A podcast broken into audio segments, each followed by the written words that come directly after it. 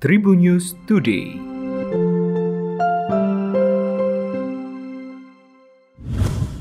Halo Tribuners, berjumpa kembali bersama Hakim di Tribun News Today dan Hakim akan berbagi informasi menarik hari ini mulai dari informasi nasional, internasional, selebritis dan juga olahraga.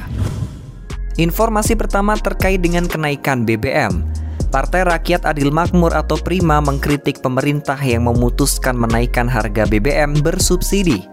Ketua Umum Prima Agus Jobo Priyono menilai kenaikan harga BBM akan memukul 70% rakyat Indonesia yang masuk dalam kategori miskin atau rentan miskin. Selain itu, sekitar 64 juta pelaku UMKM juga akan terguncang karena mereka masih sangat bergantung pada BBM bersubsidi. Jago bicara bahwa naiknya harga BBM di tengah situasi ekonomi sebagian besar rakyat Indonesia belum sepenuhnya pulih dari dampak pandemi COVID-19. Upaya mengkompensasi dampak kenaikan harga BBM dengan bantuan langsung tunai atau BLT dinilainya belum tentu efektif.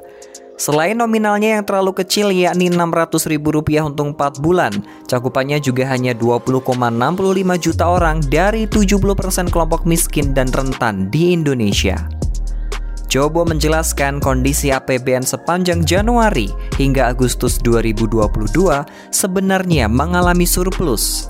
Apalagi dalam pidato Presiden Joko Widodo menjelang peringatan HUT ke-77 kemerdekaan Republik Indonesia lalu juga menegaskan bahwa postur APBN cukup aman bahkan surplus sehingga bisa menjaga harga BBM tetap bisa dijangkau oleh masyarakat.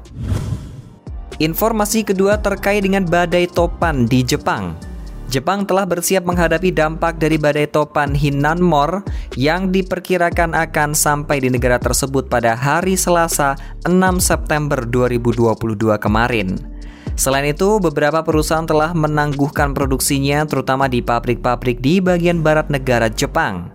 Dikutip dari Japan Today Selasa 6 September 2022, Toyota Motor Corp mengatakan akan menangguhkan beberapa shift malam di tiga pabrik di Jepang Barat – Sementara anak perusahaan Nissan Motor Corp dan juga Nissan Satai Co di prefektur Fukuoka menangguhkan produksi untuk shift Senin malam dan Selasa siang.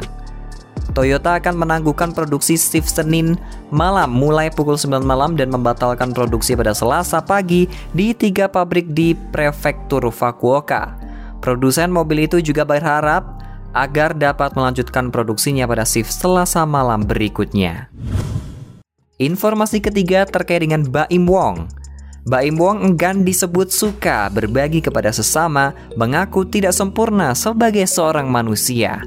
Artis Baim Wong kini terkenal dengan konten suka berbagi kepada sesama.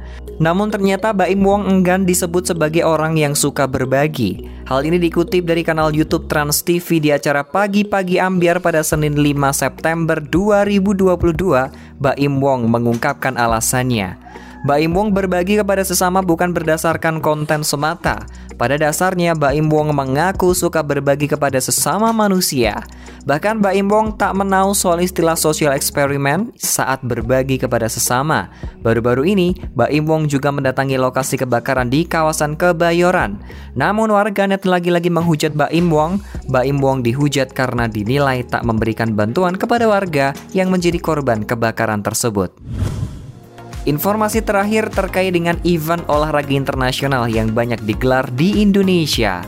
Usai pandemi COVID-19 melanda dan seluruh sektor mulai dibuka, Indonesia pun mulai banyak ditunjuk menggelar berbagai event olahraga internasional, baik single event maupun multi-event. Sebelumnya, Indonesia telah menggelar ASEAN Para Games di Solo, Jawa Tengah dan kualifikasi FIBA Asia Cup 2023 di Jakarta.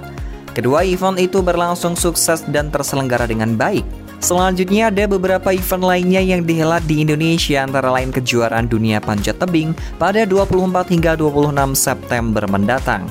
Kemudian tahun depan ada juga FIFA World Cup U20 dan juga FIBA World Cup, World Beach Games dan juga rencana kejuaraan dunia pencak silat. Menpora berharap kejuaraan-kejuaraan internasional yang diadakan di Indonesia harus bisa diselenggarakan dengan baik. Dengan begitu, ke depan Indonesia bisa terus dipercaya dan tak menutup kemungkinan sebagai tuan rumah Olimpiade bisa terselenggara di Indonesia. Demikian buat informasi terupdate hari ini dan jangan lupa untuk terus mendengarkan Tribun News Today hanya di Spotify Tribun News Podcast dan juga YouTube tribunnews.com. Saya Hakim pamit, salam sehat untuk semua dan sampai jumpa. Tribun News Today.